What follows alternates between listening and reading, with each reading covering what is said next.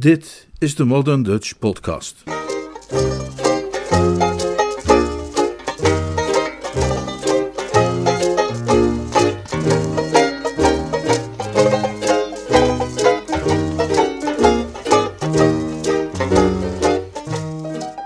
Het meisje in de taxi. Een roman van P.G. Woodhouse. Vertaald en voorgelezen door Leonard Beuger.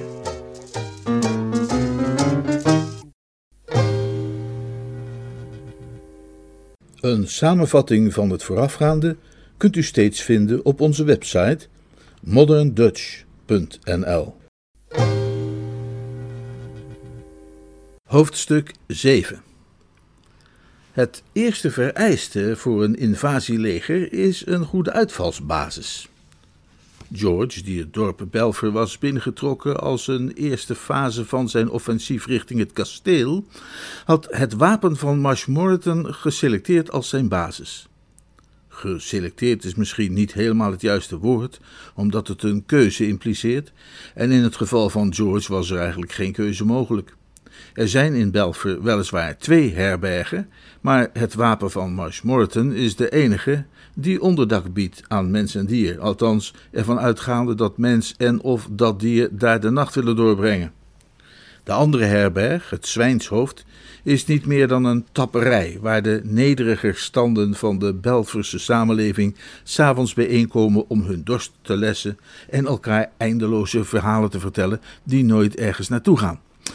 Maar het wapen van Marshmoreton is een geriefelijke en respectabele herberg die zich richt op de plutocraten van het dorp. Daar zie je s'avonds de plaatselijke dierenarts een pijp roken met de kruidenier, de bakker en de slager, met misschien wat boeren uit de buurt om het gesprek op gang te helpen. Op zaterdag is er een warme pot, wat landelijk Engels is voor een stuk gebraad met gekookte aardappels, gevolgd door een goede homp van het soort kaas dat naast de smaak vooral ook een rijke geur bezit. En die avonden worden meestal goed bezorgd. Op de andere dagen van de week, tot laat in de avond, heeft de bezoeker van het wapen van Marshmoreton de tent echter bijna geheel voor zichzelf. Het valt te betwijfelen of er ook ergens op de wereld een meer geschikte plek is voor een verliefd man om een dag of twee door te brengen dan een typisch oer-Engels dorp. De Rocky Mountains, die traditionele verzamelplaats voor mensen met een gebroken hart voldoet zeker in de meeste gevallen, maar de teleurgestelde minnaar moet wel uit bijzonder degelijk hout gesneden zijn om zich bij introspectie te kunnen blijven houden wanneer hij elk moment een geïrriteerde kaneelbeer of Ursus americanus kan ontmoeten. In een Engels dorp treft men dergelijke obstakels voor contemplatie niet. Daar worden de gemakken van de beschaafde wereld gecombineerd met rust en eenzaamheid op een wijze die verder alleen wordt aangetroffen in de openbare bibliotheek van New York. Hier kan de ongelukkige minnaar ongestoord ronddwalen, met niemand praten, door niemand aangesproken worden, met aan het eind van de dag het genoegen aan te kunnen schuiven voor een voortreffelijk gebakken carbonaatje met frieten, begeleid door een groot glas goudgeel Engels bier. Belver heeft, naast alle voordelen van het doorsnee dorp, nog een typerende eigen vorm van rustige charme, dankzij het feit dat het betere dagen heeft gekend. In zekere zin is Belver een ruïne, en ruïnes bieden altijd troost aan de gekneusde ziel. Tien jaar daarvoor was Belver een bloeiend centrum van de oesterhandel in Zuid-Engeland. Het ligt aan de kust op de plek waar het eiland Heling, dat dwars in de monding van de baai ligt, het achterliggende water tot een soort brakke lagune maakt. Ongeveer op dezelfde manier als Fire Island de Great South Bay van Long Island afsluit van de golven van de Atlantische Oceaan. Het water van Belfer Creek is zelfs bij vloed ondiep en bij eb resteren alleen glinsterende slikken en oesters blijken een eigenaardige voorkeur te hebben om zich nu juist daar te willen vestigen. Jarenlang waren Belfer-oesters de pijler waar al die vrolijke soupeetjes in het Savoy en het Carlton en Romano's op rusten. Hertogen waren er dol op en danseresjes plengden tranen als ze niet op het menu stonden. Maar op een kwade dag ontdekte iemand dat de Belveroester zo bijzonder mollig en sappig was, dankzij het feit dat hij bijna uitsluitend ontbeet, lunchte en dineerde op de uitstoot van het plaatselijke riool. Hij loopt maar een dunne lijn tussen de algemene populariteit en volledige vervloeking. We zien het bij politici, bij generaals en sporthelden, en oesters vormen geen uitzondering op de regel. Er ontstond angst voor salmonella, een voorbijgaande en misplaatste angst, maar sterk genoeg om zijn dodelijke werk te doen. En vrijwel van de een op de andere dag veranderde Belfer van een plaatsje met een bloeiende handel in het slaperige, door de wereld vergeten dorp dat het was toen George Bevan het ontdekte. Het ondiepe water is er nog, de slikken zijn er nog, zelfs de oesterbanken zijn er nog, maar niet de oesters, nog de kleine bedrijvige wereld die rond hen was ontstaan. De glorie van Belfer is voorbij. En boven zijn poorten staat geschreven Igabot. Maar wat het aan belang heeft verloren, heeft het gewonnen aan charme. En George bijvoorbeeld betreurde het niet. Voor hem, in zijn huidige toestand van mentale ontreddering, was Belfer de ideale plek. In het begin was George nog niet zo ver dat hij zich afvroeg waarom hij precies hier was en wat hij eenmaal hier nu eigenlijk van plan was te doen. Twee futloze dagen lang slenterde hij rond, volop bezig met zijn eigen gedachten. Hij rookte rustig urenlang pijpen op het erf bij de stallen en keek toe hoe de stalknechten met de paarden bezig waren. Hij speelde met het jonge hondje in de herberg en aaide met inachtneming van het juiste respect de herbergkat. Hij liep over de keitjes van het schilderachtige straatje naar de haven, slenterde langs de oever en ging op zijn rug liggen op het kleine strand, van waar hij de rode daken van het dorp kon zien, terwijl de nepgolfjes ijverig op de stenen klotsten, in een poging door bewegelijk en druk te doen verborgen te houden dat het water zelfs 200 meter uit de kust nog geen 20 centimeter diep was. Want het is de bestendige hoop van Belfer Creek de toevallige bezoeker ertoe kunnen misleiden hem voor een echte open zee aan te zien. Uiteindelijk werd het eb. De waterwoestijn werd een modderzee, op veel plekken opgevrolijkt door groen gras. De avondzon riep hier en daar regenboogkleuren tevoorschijn uit de vochtige, weken ondergrond. Vogels zongen in het struikgewas. En George kwam overeind en liep terug naar de vriendelijkheid en gezelligheid van het wapen van Marshmoreton. En het opmerkelijke daarbij was dat het hem allemaal volkomen natuurlijk en vanzelfsprekend leek, en heel verstandig bovendien. Hij had helemaal niet het gevoel dat hij door verliefd te worden op Lady Maud Marsh en haar naar Belfer te volgen, zichzelf een hopeloze taak had opgelegd of iets in die geest. Hij liep op wolken als was hij in zijn dromen door een godin gekust. En als je op wolken loopt, zie je de keien op je pad al gauw over het hoofd.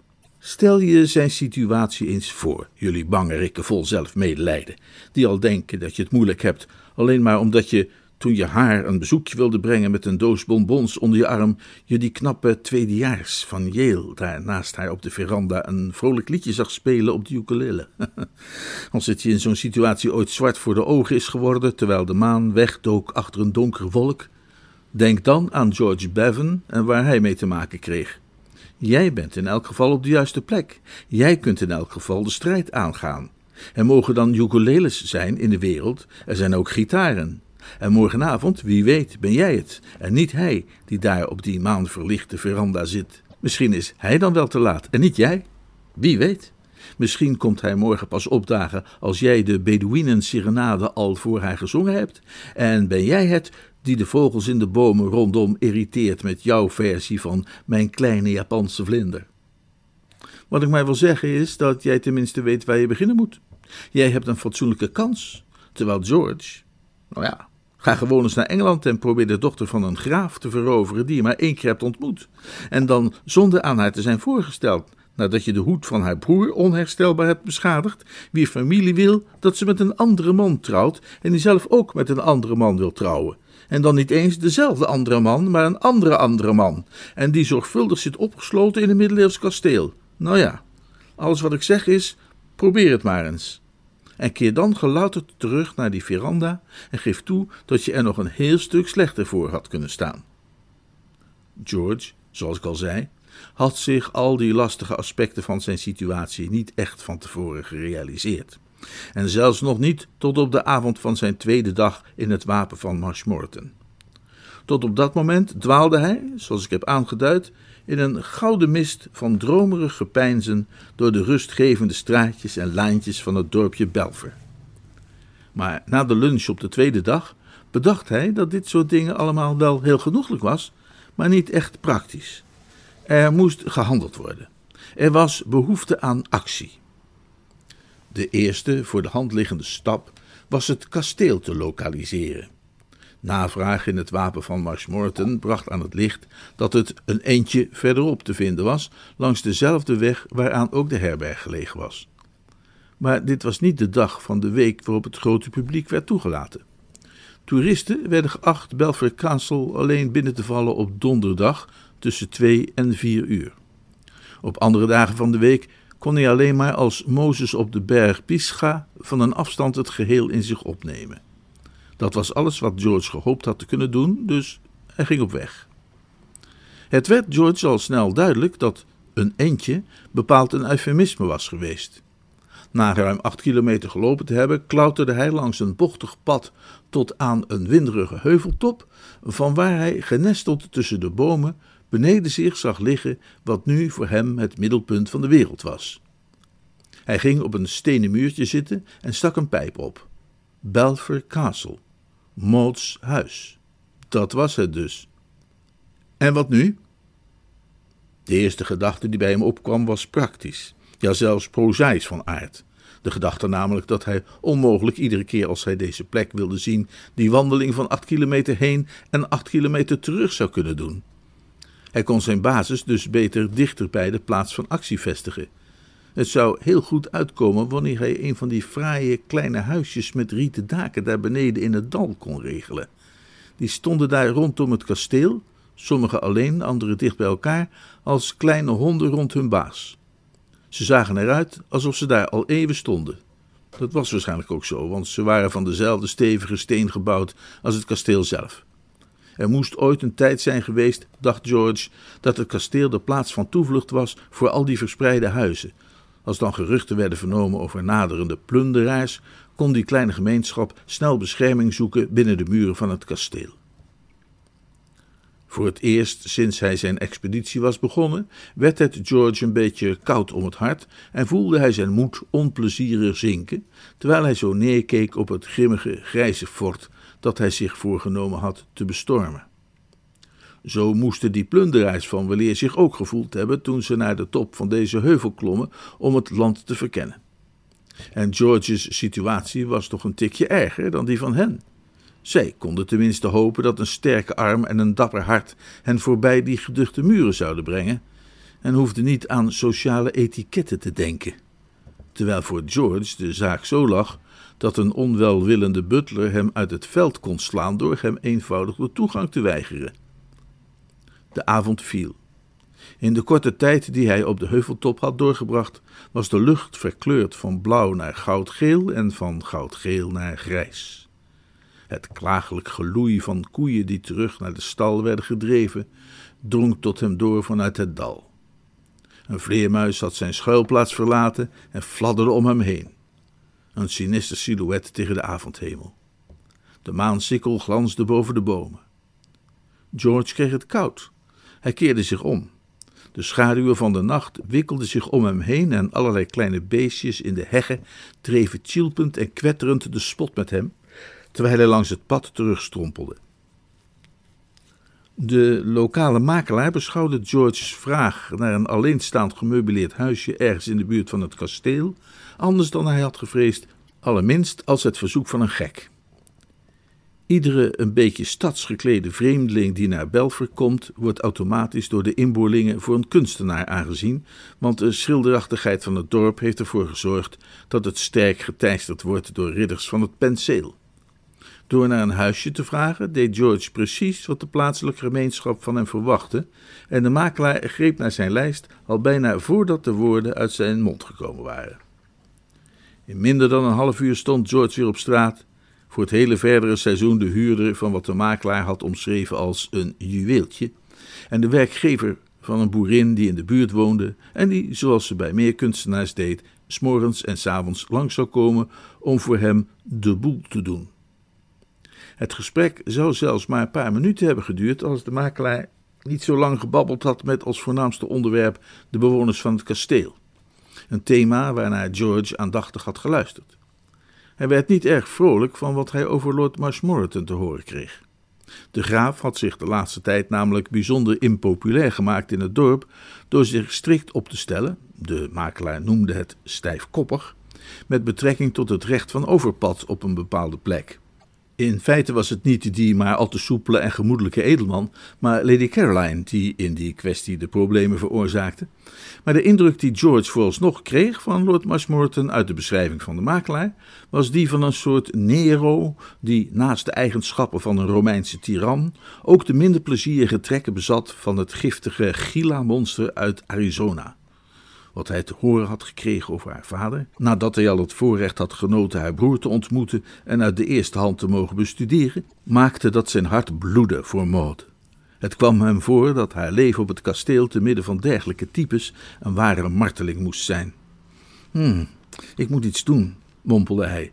Ik, ik moet snel iets doen. Sorry, zei de makelaar. Nee, niks, zei George. Ik, ik, ik, ik neem dat huisje. Ik zal maar meteen een cheque uitschrijven voor de eerste maand huur.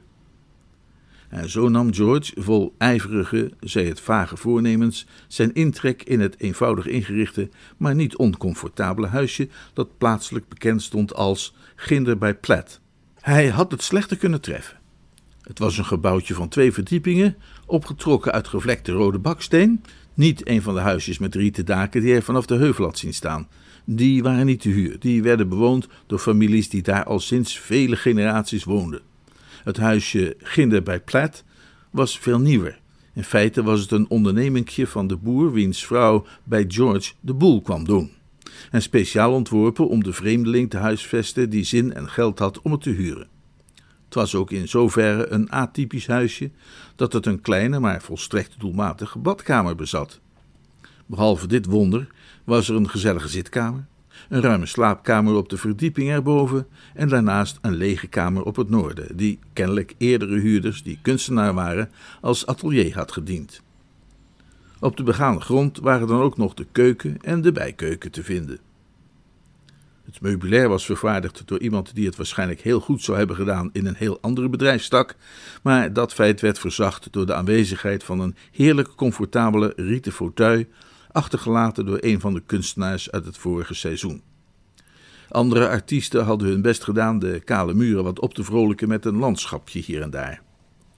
Toen George twee gehaakte antimacassars, drie groepsfoto's met familieleden van de boer, een rijk versierde wandspreuk en een porseleinen beeldje van de jonge Samuel in gebed uit de kamer had verwijderd en in een hoek van het lege atelier had opgestapeld, werd het al bijna gezellig in huis.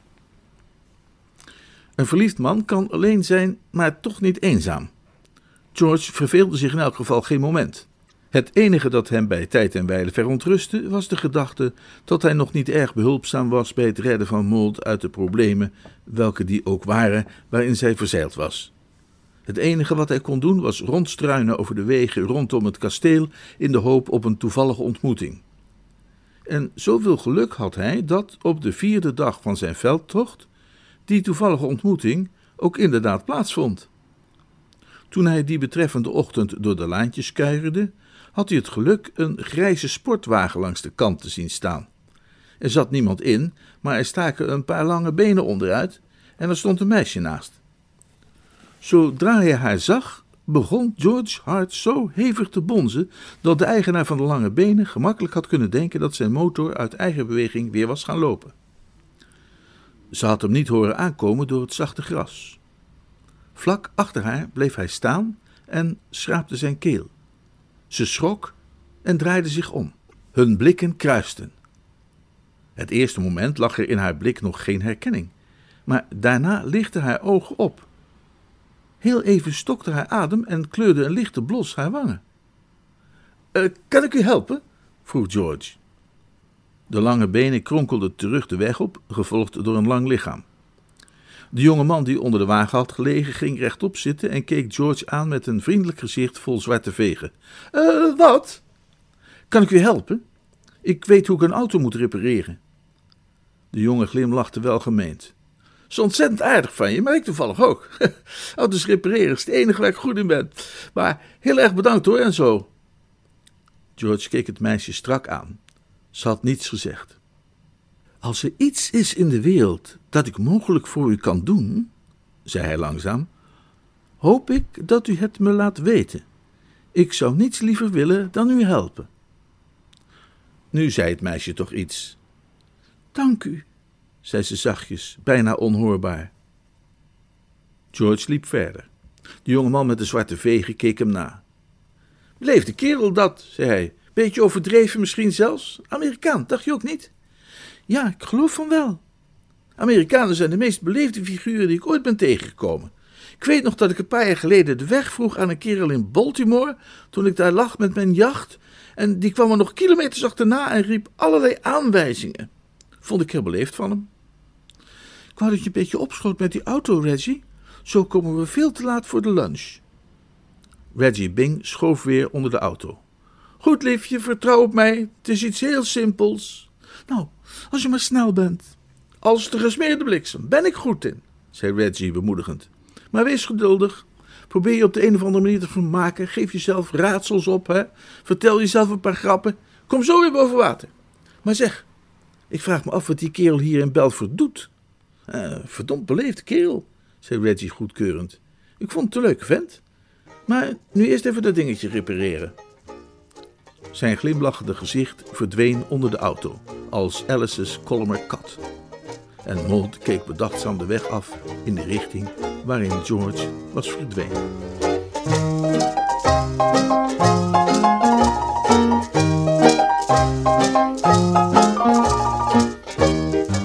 Hoofdstuk 8 De volgende dag was een donderdag.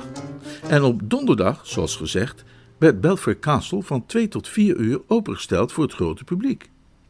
Die periodieke bijdrage aan het vrije verkeer van personen had een lange traditie, die sinds Lord Marshmoreton de titel had geërfd altijd strikt was nageleefd. Door de permanente bewoners van het kasteel werd die dag met gemengde gevoelens bekeken. Lord Belfer keurde het gebruik in theorie goed, zoals hij deed met alle familietradities, want hij was een groot voorstander van alles wat naar het feodale neigde, en nam zijn rol als vertegenwoordiger van de oude adel van Groot-Brittannië buitengewoon serieus. Maar in de praktijk had hij er een gruwelijke hekel aan. Meer dan eens was hij genoodzaakt geweest haastig door een zijdeur weg te sluipen om te voorkomen dat hij zou worden ontdekt door een kudde toeristen die de bibliotheek of de grote salon wilden inspecteren. Tegenwoordig was het zijn gewoonte om zich op donderdag onmiddellijk na de lunch in zijn slaapkamer terug te trekken en pas weer tevoorschijn te komen als de invasiegolf was weggeëpt. Kijks, de butler, keek juist altijd met blijde verwachting uit naar de donderdag. Hij genoot van het gevoel van gezag dat het hem schonk al die eenvoudige verworpelingen rond te mogen drijven in een omgeving die voor hem iets alledaags was. Ook hield hij ervan het geluid te horen van zijn eigen stem die in vloeiende volzinnen uitleg gaf over alle belangwekkende objecten die werden gepasseerd. Maar zelfs voor Keggs was er bitter gemengd onder het zoet. Niemand was zich er namelijk meer van bewust dan hijzelf dat de verhevenheid van zijn stijl, een uitstekend middel om indruk te maken op de menigte, hem tegenwerkte wanneer het ging om de fooien. Keer op keer had hij tot zijn verdriet moeten constateren dat toeristen, de koppen bij elkaar als schapen, nerveus onder elkaar hadden staan fluisteren om te bepalen of ze dit personage wel zoiets bescheidens konden aanbieden als een halve kroon, om dan te besluiten dat het ongepast zou zijn en als een belediging zou kunnen worden beschouwd. Hij streefde er daarom naar vooral tegen het einde van zijn rondgang, een stijl te hanteren die de waardigheid welke paste bij zijn positie combineerde met een joviale gemoedelijkheid die de schuchtere twijfels van de toerist kon wegnemen en hem erop wijzen dat, hoe bizar het idee ook mocht lijken, niets hem verhinderde zijn schamel zilver aan waardiger handen toe te vertrouwen. Wellicht was Lord Marshmoreton de enige bewoner van het kasteel die volkomen onverschillig stond tegenover die open dagen. De donderdag was voor hem niet anders dan andere dagen. Precies als anders trok hij zijn morsige Manchesterbroek aan en scharrelde rond in zijn geliefde tuin. En als, zoals elke paar maanden wel eens een keer gebeurde, een bezoeker die was afgedwaald van de grote kudde hem aan het werk zag en hem voor een van de tuinlieden hield, accepteerde hij die vergissing zonder enige poging tot uitleg en ging soms zelfs zover het nog een beetje erger te maken door een landelijk accent aan te nemen dat bij zijn uiterlijk paste. Dat soort dingen vond de eenvoudige edelman juist wel grappig. George sloot stipt om twee uur aan bij de processie, net toen Keggs zijn keel schraapte. klaar om te zeggen: Uh, wij zijn hier in de grote hal. Voordat ik verder ga, wil ik graag uw aandacht vestigen op het portret van Sir Peter Lely van... Het was zijn gewoonte om zijn donderdag voordrachten met die opmerking te beginnen, maar vandaag moest dat even wachten, want nauwelijks was George verschenen of er weer klonk een opgewekte stem uit de achterste rangen der menigte op een toon die geen concurrentie dulde. Goeie genade, George! Billy Door maakte zich los van de groep, een onverwachte verschijning in strak blauw. Ze droeg een mantel voor in de auto en een sjaal om haar hoofd tegen het stof. Haar ogen straalden en haar wangen gloeiden van de frisse lucht. Lieve hemel, George, wat doe jij hier? Oh, dat wilde ik net aan jou vragen. Oh, ik ben meegereden in de wagen van een jongen die ik ken. We kregen hier vlak buiten een soort pech. We waren op weg naar Brighton voor de lunch. Hij stelde voor dat ik maar even de plaatselijke bezienswaardigheden moest gaan bekijken, terwijl hij de versnelling repareerde, of het differentieel of wat het ook was.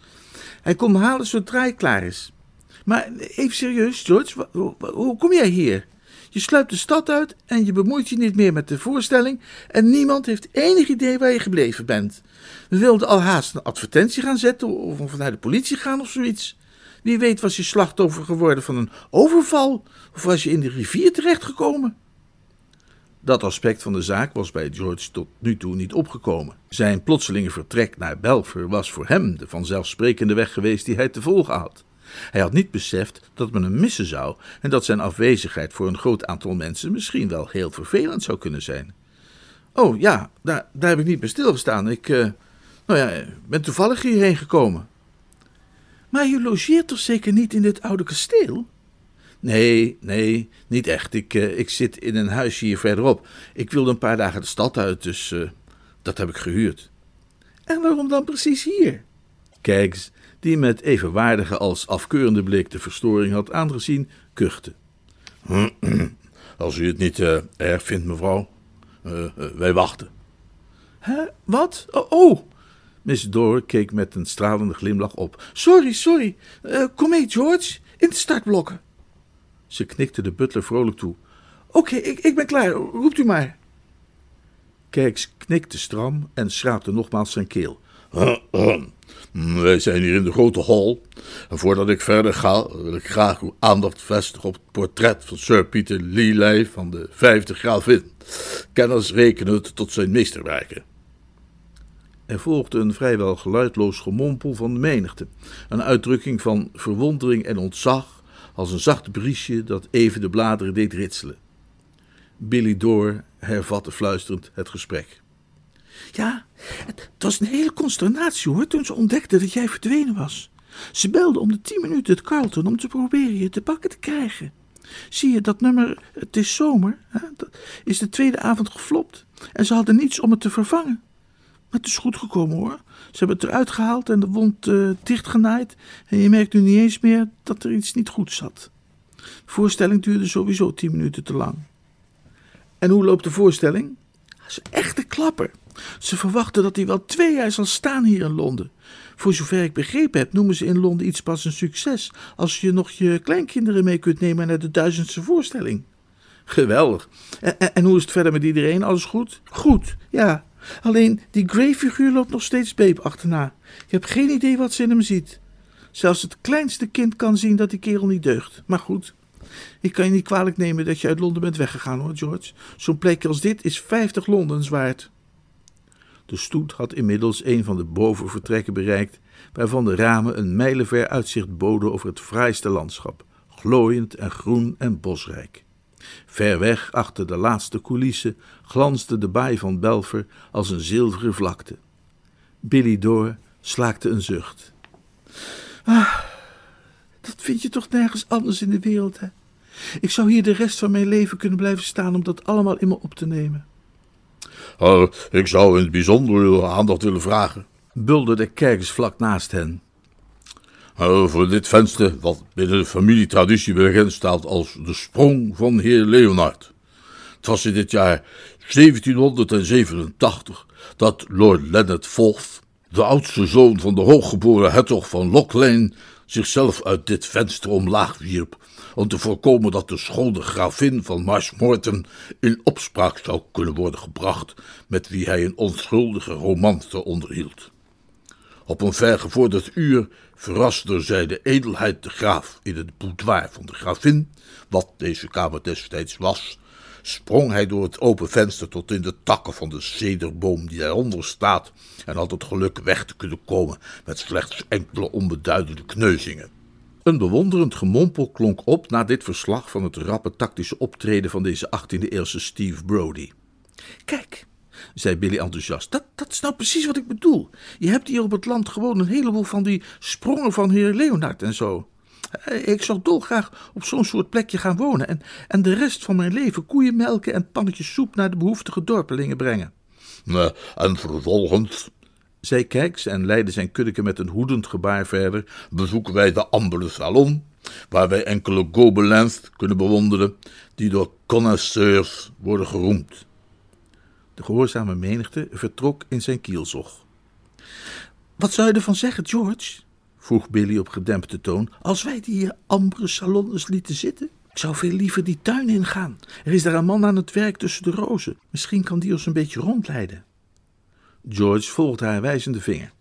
Vlak onder hen hield een potige, in ribfluweel gestoken kerel met een gebruind gezicht even stil om een kort pijpje op te steken. Nou, zoals je wilt.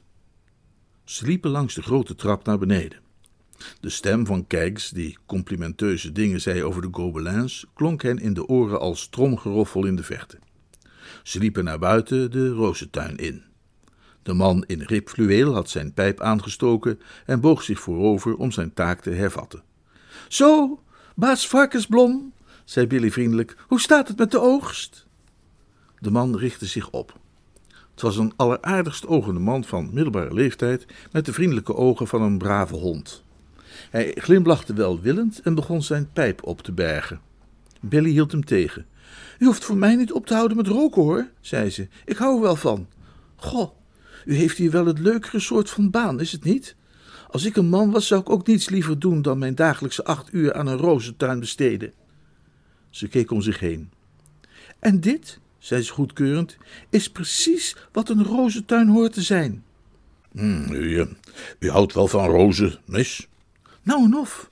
En u moet hier wel alle soorten hebben die ooit zijn uitgevonden. Alle 57 variaties. er bestaan bijna, bijna 3000 eh, soorten, zei de man met de Manchesterbroek. Nou, het was maar een uitdrukking, baas Varkensblom. Hè?